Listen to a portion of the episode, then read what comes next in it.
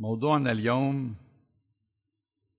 الثالوث الأقدس والأسرة المسيحية أو العائلة المسيحية.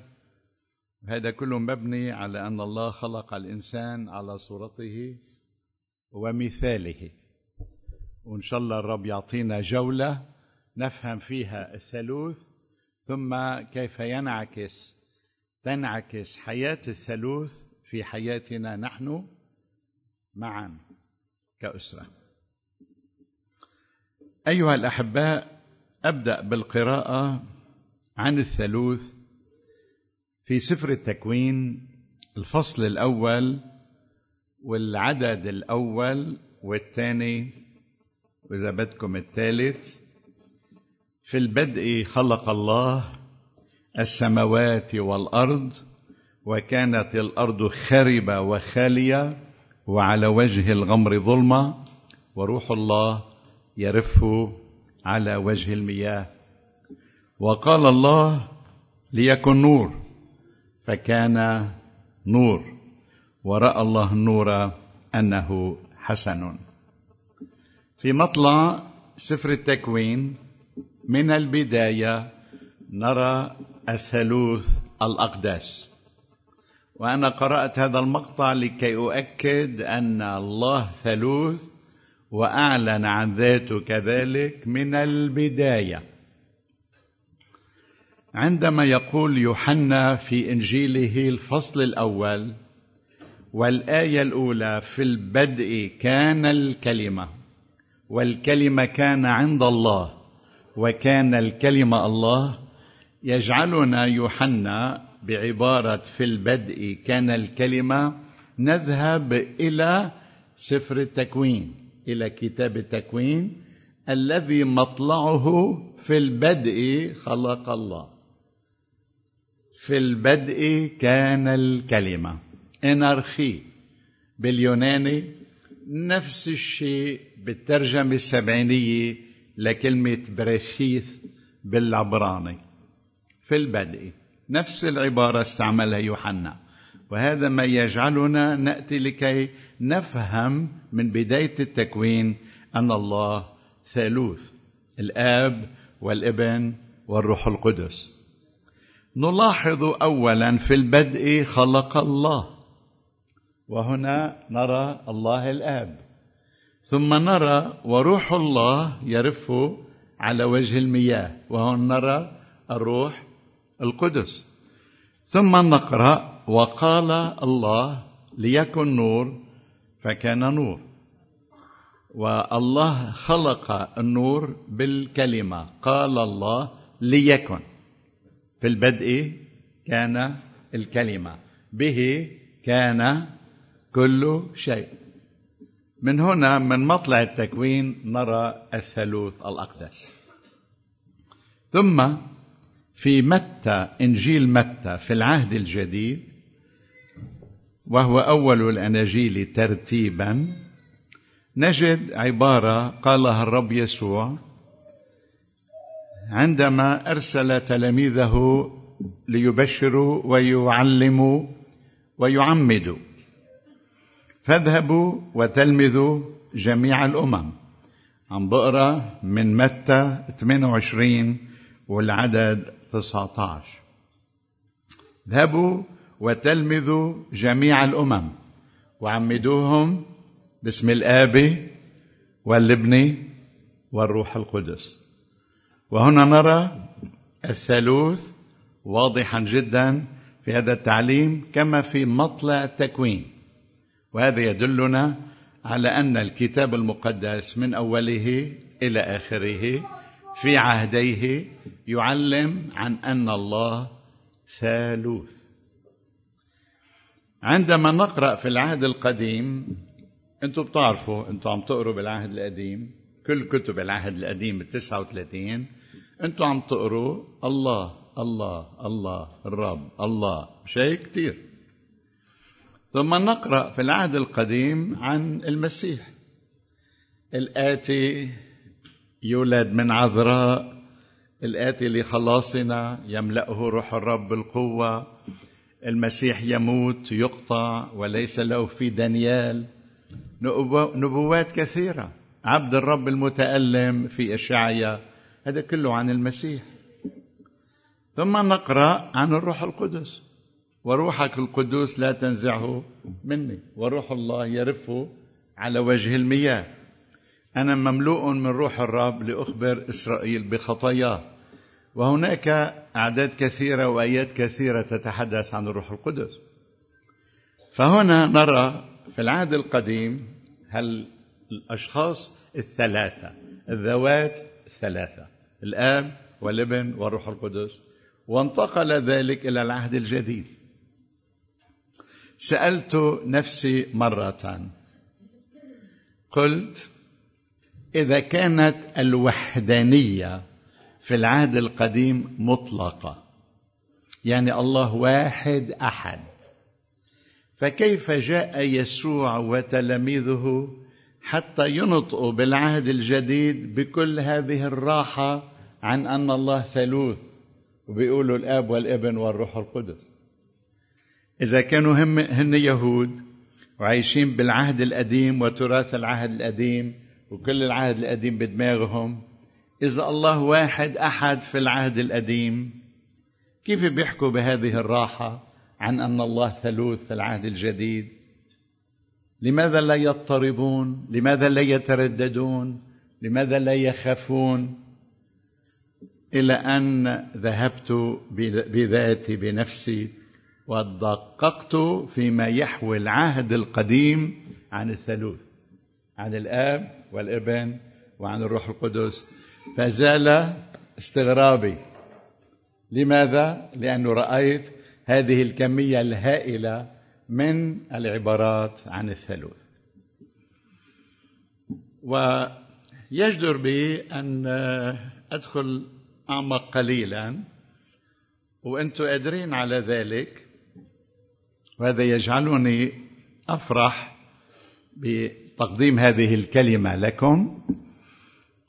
وهذه الكلمة التي سأقولها هي التالية. كنت أبحث في العهد القديم عن الآيات التي تتحدث عن أن الله واحد أحد أو أن وحدانيته مطلقة. يعني مش ثالوث. فذهبت أبحث عن الآيات أو الكلمات أو العبارات التي تتحدث عنه كواحد أحد. هل تعرفون كم هي الآيات التي وجدتها تتحدث عن ذلك؟ إنها إنها لا إنها لا لا واحدة.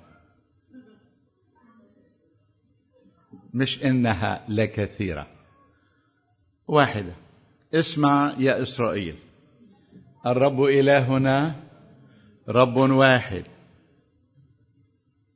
انتبهتوا؟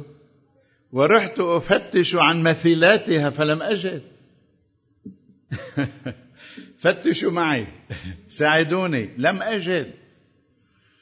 هل تعرفون ماذا وجدت؟ وجدت الله وليس غيره إله. أنا الله وليس غيري. أنا الأول والآخر وليس سواي. هودي اللي وجدتهم. وهذه شو معناتها؟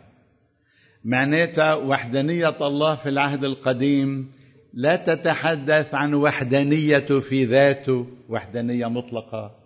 تتحدث عن وحدانيته بمعنى أن لا يوجد سواه. مش إنه هو في ذاته واحد أحد.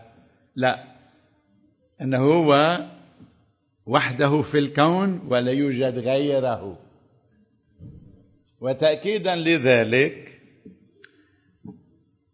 رحت أفتش عن كيف أترجم الرب إلهنا رب واحد. فما فماذا وجدت؟ وجدت أن أفضل ترجمة لهذه العبارة هي ليس الرب إلهنا رب واحد بل الرب إلهنا هو الرب الواحد. ما الفرق؟ هو الرب الواحد تعني أنه لا يوجد سواه. هو هو الواحد. ما في غيره. هذا ينسجم مع كل معنى الموجود في العهد القديم. وتغير فكري. فأصبحت بذهني واضحا إنه بالعهد القديم لا يتحدث عن وحدانية الله كواحد أحد وحدانية مطلقة. لا يتحدث العهد القديم عن أن الله في ذاته واحد أحد يتحدث عن أنه واحد ولا يوجد غيره في الكون لا يتحدث عن داخله. وهنا ابتدأت أفهم كل ما في العهد القديم كيف يترابط الآب والابن والروح القدس. هللويا. آمين. أنتم معي؟ آه طيب مش راح تعبكم بقى أكثر بدي ادخل بالبعض القضايا اللي بتساعدنا نفهم الثالوث. أهم شيء بالنسبة لي عندما أتحدث عن الثالوث أن أساعد إخوتي أن يفهموا العلاقة بين الاقانيم لأنه مرات كثيرة مرات كثيرة لا يكون واضحا في ذهننا العلاقة بين الآب والابن والروح القدس. أبدأ بالعبارة التي تتأسس عليها الوحدة في العائلة لأن التطبيق هو الأسرة المسيحية. نلاحظ اولا أن إيماننا هو التالي. نؤمن بإله واحد في ثلاثة أقانيم. وإلهنا إله واحد. وتأكيدنا على أن إلهنا إله واحد لم يأتي بسبب وجود دين آخر في جوارنا نتحدث أو ندافع عن إيماننا في مواجهته. نحن نؤمن بأن الله واحد قبل ظهور الأديان المجاورة. ودفعنا عن إيماننا هذا منذ بداية المسيحية. لأن هذا الإرث هو إرث كتابي بدأ في العهد القديم. لنا إله واحد الآب كورنثوس 8 الذي منه كل الأشياء. ونحن له ولنا رب واحد يسوع المسيح الذي به كل الأشياء ونحن به. دائما تركيز الكتاب لنا رب واحد. ونحن عندما نقول أيها الأحباء أن الرب يسوع هو إله إذا سألكم بتأمنوا أن الرب يسوع المسيح إله؟ بتقولوا نعم. بتأمنوا أن الروح القدس إله؟ بتقولوا نعم. انتبهوا عندما نقول أن الرب يسوع إله هذا لا يعني أن هناك إله ثان وانه الله إله الآب الله إله الآب إله وانه الإبن إله لا. أنتوا اللي بتقولوا يسوع المسيح هو إله أنتوا عم بتقولوا طبيعته إلهية. ما عم بتقولوا إنه هو إله تاني انتبهتوا؟ فتشديدنا على أن الرب يسوع إله هو تشديد على طبيعته لا تشديد على أنه إله ثان لأنه لنا إله واحد الآب والابن والروح القدس. معا. الآب إله الابن إله الروح القدس إله انتبهوا نحن عم نحكي عن الطبيعة الإلهية الواحدة. وإلا بنصير عم نحكي عن ثلاث آلهة. وهذا ليس إيماننا إطلاقا. من هنا يجب أن نفهم العلاقة بين الأقانيم لكي نعرف كيف أن الله واحد في ثلاثة أقانيم. أن وحدانية الله مؤسسة على الآب الذي منه يولد الإبن ومنه ينبثق الروح القدس. وهذا تعليم الكتاب. أن الابن مولود من الآب ولأنه مولود من الآب يساويه في الجوهر والطبيعة. مشان هيك الابن والآب جوهر إلهي واحد. والروح القدس ينبثق من الآب. من أجل ذلك الروح القدس والآب جوهر إلهي واحد. ولأنه الإبن والروح القدس من الآب ولهم الجوهر الإلهي الواحد يكون عندنا الآب والإبن والروح القدس الإله الواحد. والآب والإبن والروح القدس يتميزون بالأقنومية. الوحدة في الجوهر هي ولكن التمايز هو في الأقنومية. أي أن هناك الآب الذي هو المصدر الذي هو يلد الابن ويبثق. الروح القدس أو الروح القدس ينبثق منه أو الابن يولد منه. حتى تفهم هذه التعابير كيف نستعملها. ولأنه الأمر هكذا إلهنا إله واحد في ثلاثة أقانيم. وعندما نقول الابن يولد من الآب لا نقصد أنه يولد أي ينفصل عنه. المسألة هي هي نور من نور. عندما نقول أن الروح القدس ينبثق من الآب لا يعني أنه ينبثق وينفصل عنه لأنه اللاهوت لا يتجزأ.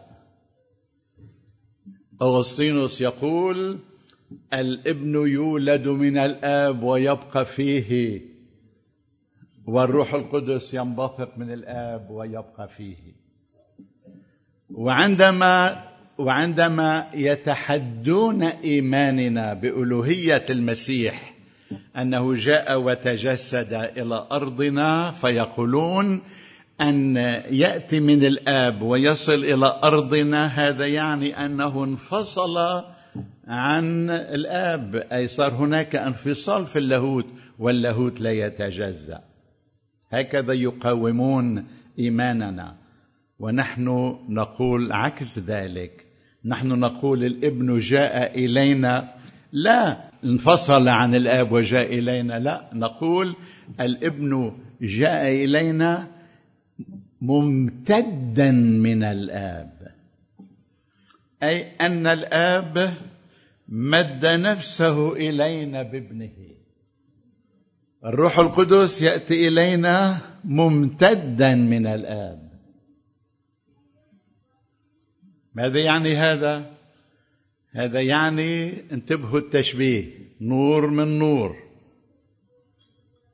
فلننظر إلى قرص الشمس. الذي يتألف من القرص الذي هو النار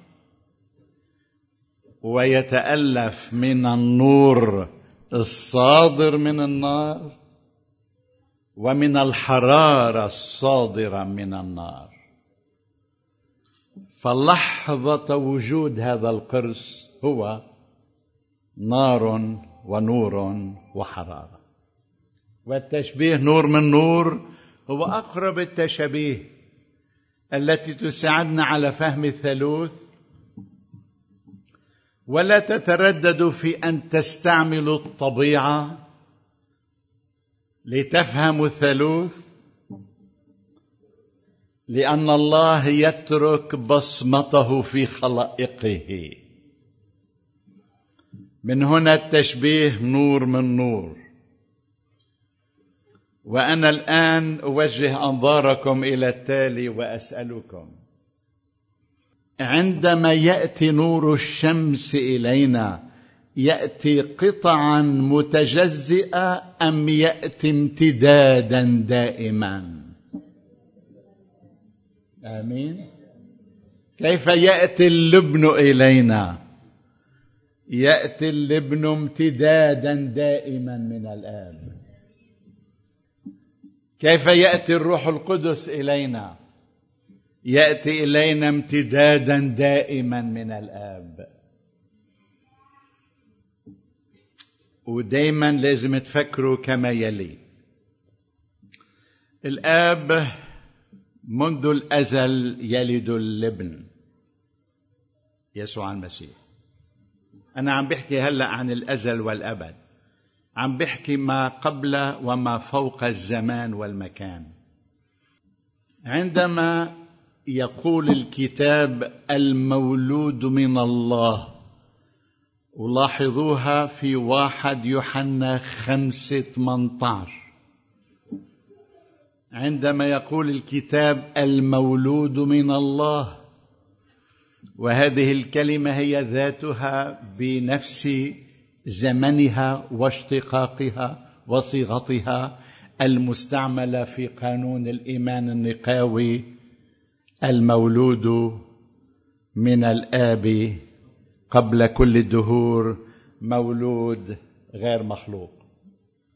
هذه الكلمة مولود لاحظوها لاحظوها ولاحظوا زمانها. المولود هل تعني ولد وانتهى؟ هل تعني سيولد في المستقبل؟ ماذا تعني؟ ولادة دائمة مولود اسم مفعول. وأنتم بتعرفوا بلغتنا العربية لتقريبها إلى أذهاننا إنه اسم الفاعل واسم المفعول لا زمان لهم. حالة دائمة. والآن نتحدث عن الأبدية يلي هي فوق الزمان وفوق المكان وقبلهما. وأريد أن أوجه أنظاركم إلى أن هناك في الأبدية لا يوجد قبل وبعد ولا يوجد فعل ماضي وفعل حاضر وفعل مستقبل. هيدي موجودين في الزمان والمكان. اذا الابن مولود ازليا من الآب بمعنى أنه يولد دائما. وحالته الدائمة هي المولودية الدائمة من الآب إلى أبد الآبدين. الله لم يره أحد قط. الابن الوحيد. وين؟ الكائن الموجود في حضن الآب. هو خبى هذا الابن في الحضن دائما. للدلالة على مولوديته الدائمة من الآب. فهو دائما يولد. كما النور من الشمس والروح القدس هو دائما ينبثق بنفس الحالة كما الحرارة من الشمس. وعندما يأتي النور إلينا ماذا يصاحبه؟ حرارة دفء. شيء وعندما يأتي يسوع إلينا ماذا يصاحبه؟ الروح القدس. ادرسوا عمل يسوع والروح القدس كما تروه في العهد الجديد. ماذا ترون؟ يأتي يسوع لكي يتجسد من مريم العذراء. هو الإله مش هيك وجاء إلى أحشائها. مين عمل هيدي العملية؟ الروح القدس يحل عليك. بعدين الروح القدس شو عم بيرافق الرب يسوع في حياته اليومية؟ شيك؟ يوم المعمودية. صوت الآب من السماء هذا ابني أو أنت ابني شيء. والابن وين؟ في المياه يتعمد. والروح القدس بهيئة جسمية مثل حمامة ينزل عليه. شو عم نشوف هون نحن؟ عم نشوف الثالوث مجسما. ودائما كان عمل الروح القدس مع يسوع باستمرار. يرافقه يمهد الطريق أمامه. يشجعه. عندما يموت يقيمه.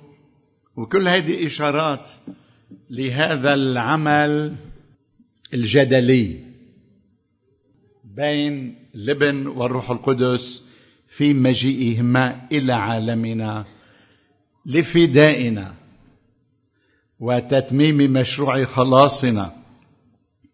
وبعد ذلك يأتي الروح القدس لكي يؤكد حضور يسوع الدائم في حياتنا بعد يوم الخمسين. آمين. ونحن نعيش في هذه الحالة. الابن فينا والروح القدس فينا. وإذا شئتم الآب أيضا فينا.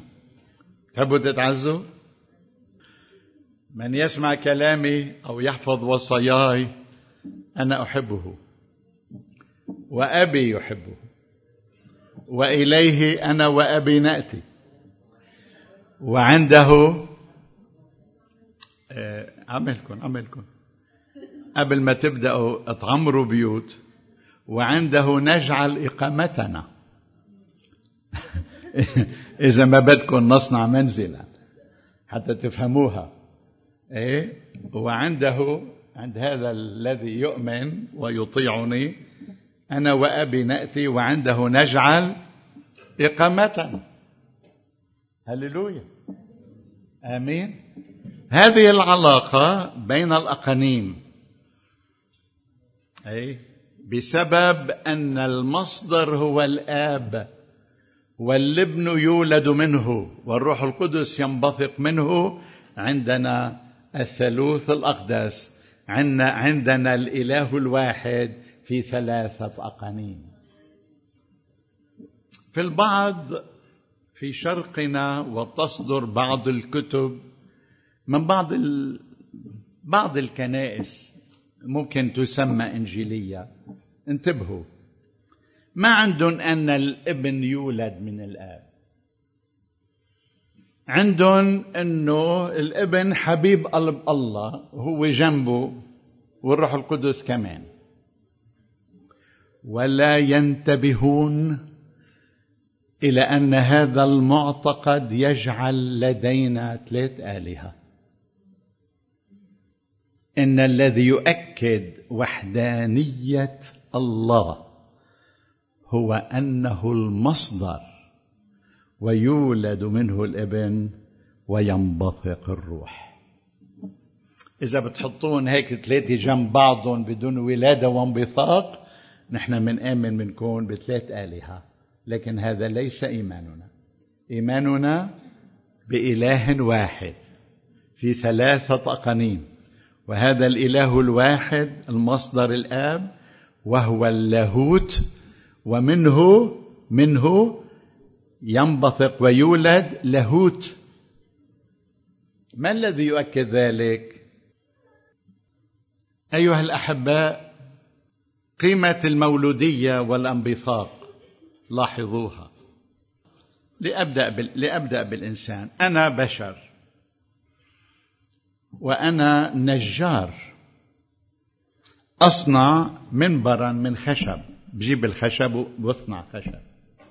بالصناعة. أنا النجار أنا أصنع من مادة مغايرة لطبيعتي. أنا بشر وأصنع منبرا من الخشب. أنا بشر أنا حداد. بجيب الحديد وبعمل منه خزانة من حديد بعمل منه سيارة. فأنا أصنع بهذه المواد من الحديد شيئا هو مخالف لطبيعتي. أنا بشر وأصنع من الحديد سيارة.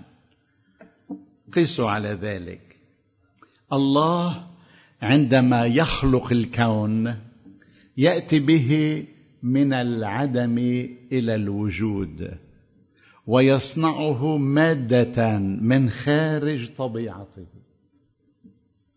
لأن الله روح والله لاهوت وعندما يخلق يخلق مادة من مادة إيه؟ يخلق مادة إيه؟ أو يخلق أرواحا مثل الملائكة ما يرى وما لا يرى ولكن هذه المخلوقات تكون مغايرة عن طبيعته الملائكة أرواح الله روح.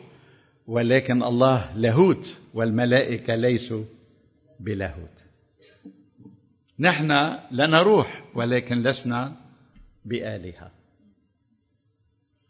الله عندما يصنع يصنع من مادة مخالفة لطبيعته. ونحن كبشر عندما نلد مش نصنعه عندما نلد أنا بشر وألد. بشرا أبي بشر وأنا. بشر. وهذا يعني أن بالولادة يستمر النوع تستمر نفس الطبيعة. بالصنع بالخلق لا تكون الطبيعة واحدة لكن بالولادة الطبيعة الواحدة. وتشديد الكتاب على أن اللبن مولود من الآب هو تشديد على الطبيعة الواحدة. فإن كان البشر يلدون بشرا اللاهوت يلد لاهوتا. من أجل ذلك اللبن مساو للآب في الجوهر. مولود غير مخلوق.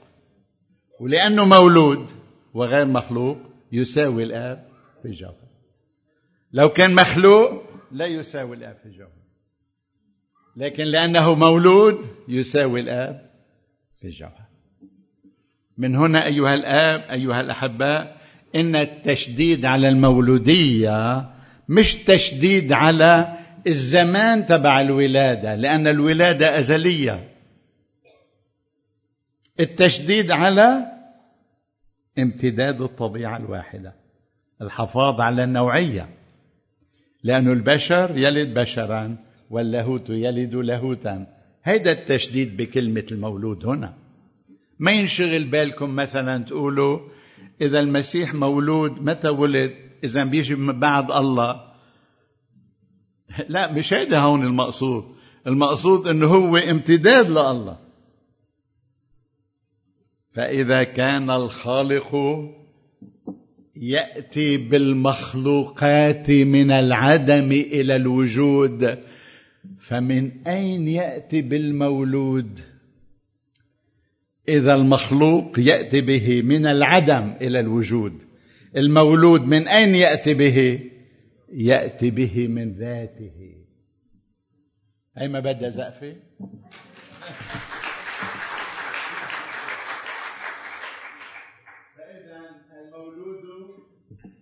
المولود تعني أن الله من ذاته أصدر المسيح. من أجل ذلك لا انفصال بينه وبين الآب ولا تجزئة ولا نوعية أخرى. لكن إله من إله نور من نور وإله حق من إله حق. وهذا يعني أنه في صدوره من الآب مولودا لم تتغير طبيعته أو يصبح أقل من الآب في جوهره كما قال آريوس.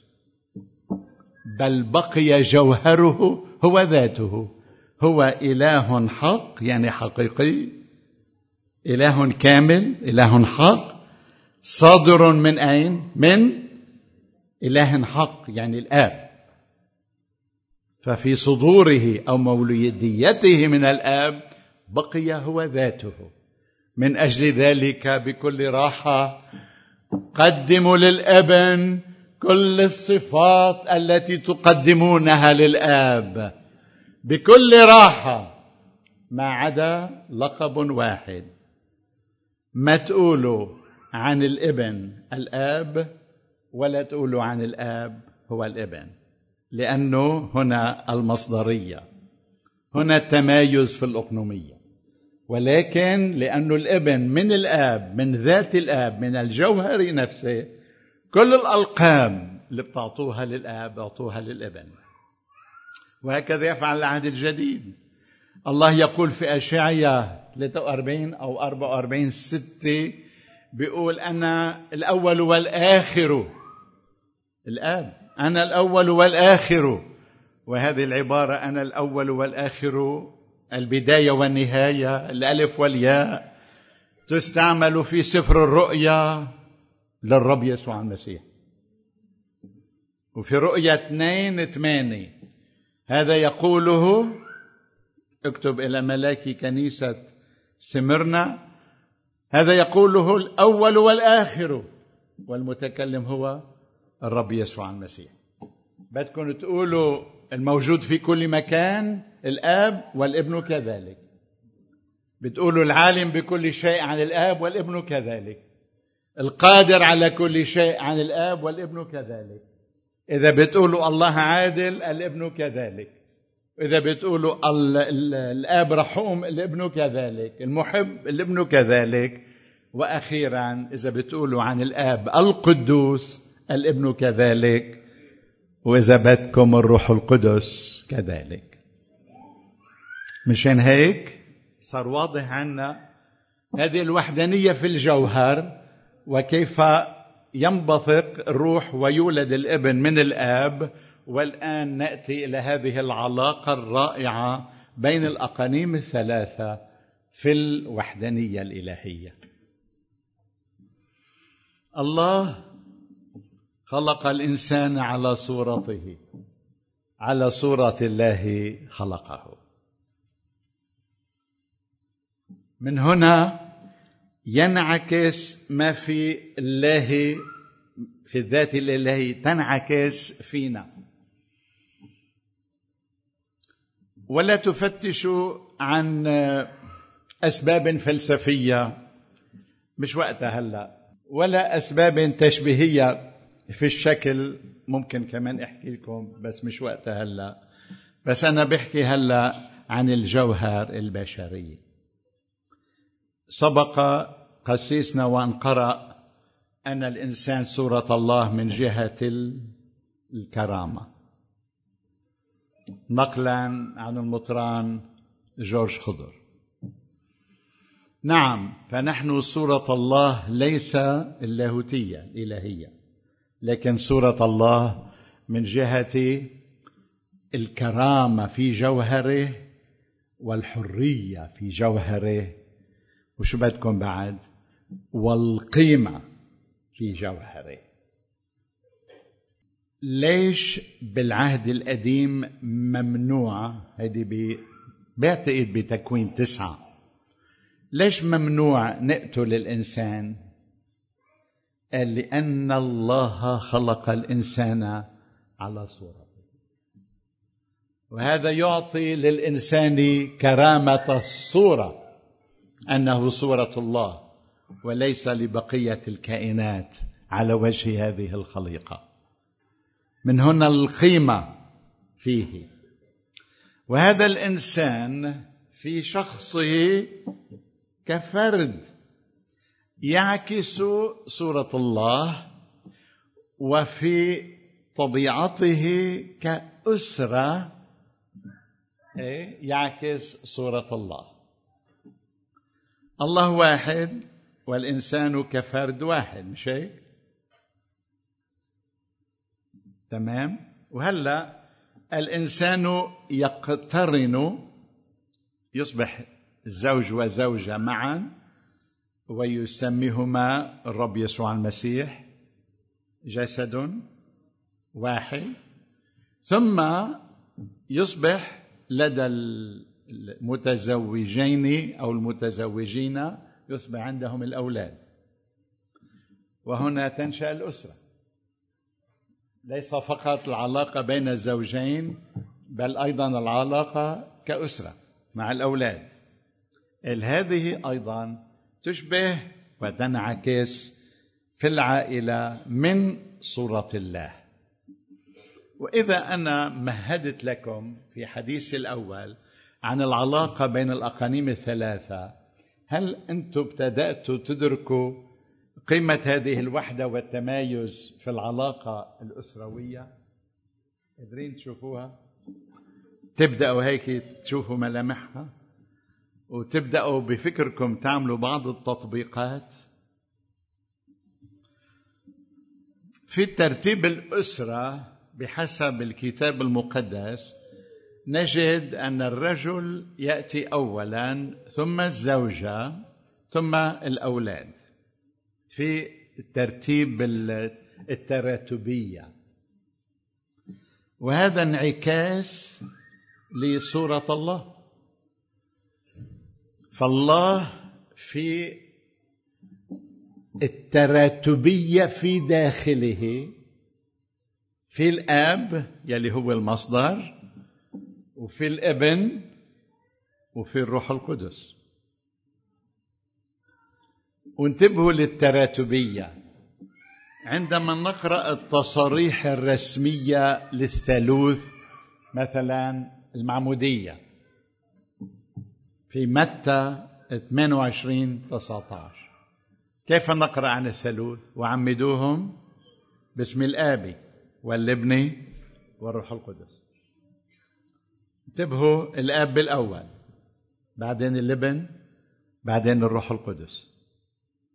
هذه بنسميها نحن كعلماء في الكتاب المقدس بنسميها التراتبية. وهذه التراتبية يعني في أول في رأس في مصدر هو الآب. منه يولد الابن وينبثق الروح. وتنعكس هذه الصورة الكتابية في كورنثوس الأولى 11 بقلم الرسول بولس. لما يكون عم يتحدث عن ترتيب العبادة بيقول الله المسيح الرجل الامرأة. وبيحكي بهالطريقة بيقول رأس المسيح هو الله ورأس المرأة هو الرجل. وانتبهوا كيف عم بيحكي. وثم في رسائل أخرى يتحدث عن الخضوع. أيتها النساء أخضعنا. لرجالكن. أيها الرجال أحبوا نساءكم. أنتم بتعرفوا هذه الأمور. هل هذه الكلمات انعكاس لما في الثالوث؟ هل نقرأ في كورنثوس الأولى 15 أن الابن سيخضع في النهاية لله الآب؟ انتبهتوا لهذه الكلمة يخضع؟ أنا كراعي آه، أعظ كثير من المرات في أعراس ويكون آه، عظة الزواج علي. فمرات عديدة بكون عم بقدم آه، موضوع للأسرة الحياة الزوجية من كلمة الله كواعظ قاعد في عرس. وبقول بقرأ بالكتاب أيتها الرجال اخضعنا أيتها النساء اخضعنا لرجالكن؟ بلش شوف همهمات واعتراضات آه، في الحضور. إيه؟ وكيف الطريقة الأمريكانية؟ أوه أه؟ لا بشوفها بهمس أصغر شوي. وبعدين بلش شوف إنه كل لما نقول اخضع. ابدا. لماذا أقول هذا؟ أقول هذا لأنه سوء التفسير ينشئ سوء فهم. أيها الأحباء يجب أن نفهم تعابير الكتاب لكي نعرف لكي نفهم ماذا يريد منا. خلينا نبدأ بكلمة أيها الرجال احبوا نساءكم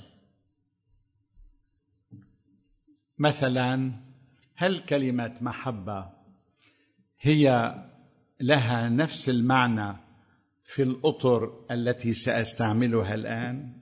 انتبهوا لي. أنا أحب لبنان هذا وطني. أنا أحب الله هذا إلهي. أنا أحب زوجتي. أنا أحب ابنتي. أنا أحب أمي. أنا أحب السيارات. أنا أحب التبولي. أنا أحب أنا أحب. انتبهتوا؟ وأسألكم هل استعمالي لكلمة المحبة هنا هي في نفس المعنى في كل مرة استعملتها؟ ابدا. إذا ماذا تعني كلمة المحبة؟ تعني ما تعني في الكونتكست تبعها في إطارها. انتبهتوا وين؟ لنأتي لكلمة اخضعوا إذا نحن ما بنفهمها هيدي الكلمة إلا في إطار علاقة العبد بالسيد. انتبهوا العبد بالسيد. إذا ما بنفهمها إلا بهذا الإطار. كيف ما نفهمها أيتها النساء أخضعن لرجالكن؟ بنفهمها اخضعوا لرجالكم خضوع العبد للسيد أو الأمة لسيدتها. هل هذا ما يريد الكتاب؟ مثل ما أنه كلمة المحبة لها معان في أماكنها في في سياقاتها. كذلك كلمة الخضوع لها معناها في سياقاتها. فإذا مثلا قلنا أنه اللبن يسوع المسيح يخضع لله الآب. هل يخضع الابن للآب خضوع العبد للسيد أم خضوع الابن لأبيه؟ وفي فرق؟ أمين. تلاميذ رائعين أنتم. صدقوني. أسيسنا بدي أعمل حفلة تخريج بعد هالعظة مباشرة. انتبهوا يا أحبائي لكل كلمة معناها في سياقها. وهلا من إنه الابن يخضع لأبيه وخضوع الابن للآب صار في معنى جديد نقدر نستنبطه من خضوع المرأة لرجلها. صرتوا تقبلوها هلا؟ بدون همهمات؟ بدون وشوشات؟ هيك هيك هيك. من أجل ذلك الصورة الثالوث تنعكس على العلاقة بين المتزوجين وهذا نراه في تعابير الكتاب. هل هل الابن يرسل الآب؟ فيكم تجيبوا شيء آية من الكتاب بيقول الابن أرسل الآب كم آية بتقول الآب أرسل الابن لاحظتوا التراتبية؟ الابن الابن يخضع لأبيه. من هنا الزوجة تخضع لزوجها. بالمفهوم هذا بمفهوم الابن لأبيه. مفهوم الزوجة لرجلها. بهذا المعنى. ولازم مرق شيء. ما بقدر إلا مرق شيء. بتحب زوجتك يا رجل. بتحب زوجتك تخضع لك. بدك تستحق ذلك. بدك تستحق ذلك. وإلا بيكون هذا هذا الخضوع خضوع شو بنسميه؟ انتبهوا. من أجل ذلك هناك الوحدة في الثالوث هناك الوحدة في الأسرة وهناك التراتبية وهناك الخضوع وهناك التعاون وهناك الأدوار. وبعد عندنا التعاون والأدوار. في تعاون في المشورة والتنفيذ بين الآب والابن والروح القدس. فمثلا نحن بنقول في أدوار انتبهوا لهي نقول في أدوار إنه الآب هو صاحب المشروع. هو اللي بيفكر فيه. هو المخطط له. وأن اللبن هو منفذ المشروع إن كان مشروع الخلق أو مشروع الفداء. واللبن شو بيعمل؟ بينفذ المشروع. والروح القدس من بعد تنفيذ المشروع يصون المشروع. عم بحكي بس بصيغة المشاريع. ما في صيانة مينتننس الروح القدس هو اللي بعدين دائما بيهتم في أن يصل هذا المشروع إلى خواتمه السعيدة. عم بحكي لأقدم مثل. فنحن لما نقول الآب صاحب المشروع أي المخطط والابن المنفذ والروح القدس الذي يتعهد كيف يتابع يصونه إلى النهاية هل هذا يعني إنه بس الآب بيخطط بس الابن بنفذ بس الروح القدس بيصون. الاب هو عم بيخطط هو في المشورة مع الابن والروح. آمين؟ والابن هو عم بنفذ عم بنفذ مع الاب والروح. والروح القدس هو عم بيصون عم بيصون مع الاب والابن. صحيح في دور رئيسي لكل من الأقانيم لكن مش معناتها الاستقلالية لا في التخطيط ولا في التنفيذ. وهذا بنشوفه في كم هائل من آيات الكتاب. دائما في هذا التعاون. ودائما لازم تنتبهوا لهيدي فيا أيها الرجل لكي تطاع ويخضع لك في البيت عمول معروف خطط أنت وزوجتك. واذا كبروا أولادك أدخلهم في مشروع التخطيط. مش هيك بعدين شو بصير عند التنفيذ. اشترك أنت أيضا في التنفيذ. إيه؟ وبعد شوي الأولاد كمان إذا دربتهم بصيروا يشتركوا بالتنفيذ وبتصير الحياة الاسرويه رائعة من التعاون. كل واحد له دور لكن كل واحد عم بيساعد الثاني في هيدي الأدوار. أنا أنا اسمي حضرة القسيس غسان. هل بجلي وبساعد زوجتي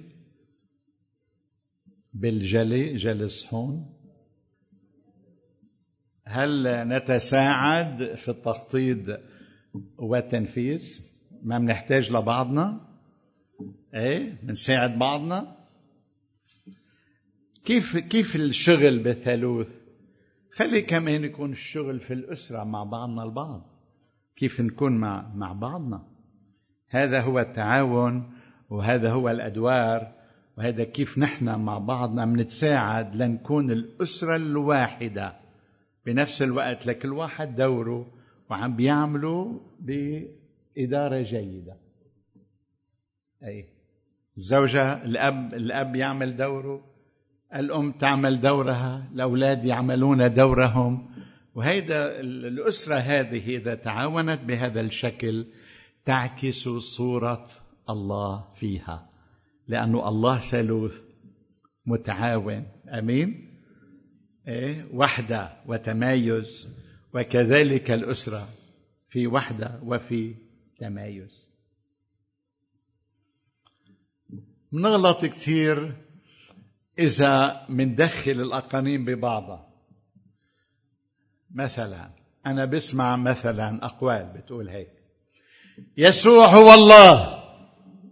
هيك بسمعها هيك. أي ونقطة. ما بي ما بيزيد شو بفهم؟ يسوع هو الآب. مش مزبوط يسوع مش الآب. يسوع لاهوته ولاهوت الآب واحد لكنه هو أقنوم اللبن. والآب هو أقنوم الآب. وما فينا ندخلهم ببعضهم. لأنه وحدة في الجوهر شو كمان؟ تمايز في الأقنومية. تمايز في الأقنومية. الابن يمتاز عن الآب. في ميزة ميزة الأقنومية. هذا الابن. الآب يمتاز عن الابن والروح. ميزة. هو المصدر هو الآب. روح القدس يمتاز عن الابن والآب. يمتاز يعني هو شخصية مميزة. إيه؟ لها كيانها. إذا بدكن لها لها قيامها الذاتي أو قوامها الذاتي. أنا عم بجرب جيب كلمة بالعربي. تشبه أقنوم السريانية. في عنا بالعهد القديم صفة لله بدانيال القيوم. هذه بتشبه تماما الأقنوم القائم بذاته لكن بنفس الوقت مش مستقل. هو ميزة هو هو يمتاز. هي هلأ بدي إياكم هيدي تشوفوها في الأسرة. مع الوحدة الموجودة يا حبيبي مع الوحدة الموجودة ما فيك تعمل يا رجل زوجتك نسخة كب الأصل عنك. بدك تحافظ لها على ميزتها على شخصيتها. ما بدك تم تمحقها. ما بدك تمحيها.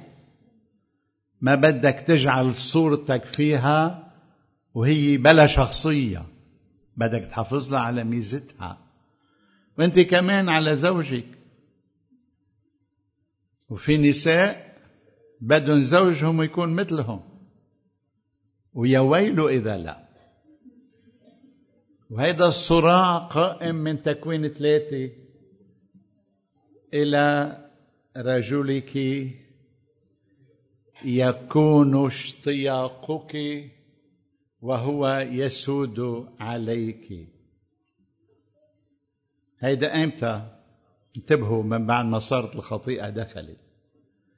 وكلمة وكلمة إلى رجلك يكون اشتياقك معناها من تكوين أربعة خدو. عند الباب خطيئة هي وحش متربص يرغب في الانقضاض عليك وأنت تسود عليه إن أحسنت. بصير معنى تشتاق إلى رجلها بمعنى تشتاق إلى السيطرة عليه. وهو لا يريد ذلك بل يسيطر عليها. أحبائي في الأسرة المسيحية مش رح تورد قضية هيدي الرجل بده يسيطر والامراه بدها تسيطر في الحياة الأسرة المسيحية في انعكاس للثالوث وهناك تفاهم وتعاون محبة إيه؟ وشغل مع بعض. راحت الرغبة في السيطرة. اذا ما تشتغل حتى تزيل صورة شخصية الآخر بالأسرة لنحافظ كل واحد منا على شخصيته. وإياكم تعملوا هيدا بولادكم. خلوا كل ولد ينشأ محترمين شخصيته حتى يقدر يكون فاعل وله وجود في المجتمع. إذا بتمحقوا له بتسحقوا له بتشيلوا منه شخصيته أنتوا عم بتأسسوا لإنسان لا قيمة له. انتبهوا له. مع التعاون والمحبة والوحدانية في الأسرة. بدنا نحافظ على الميزات. الآب له ميزة الابن له ميزة روح القدس له ميزة. وهؤلاء الثلاثة الأقانيم إله واحد. وحكيتي حكيتها وبعبكم خبيتها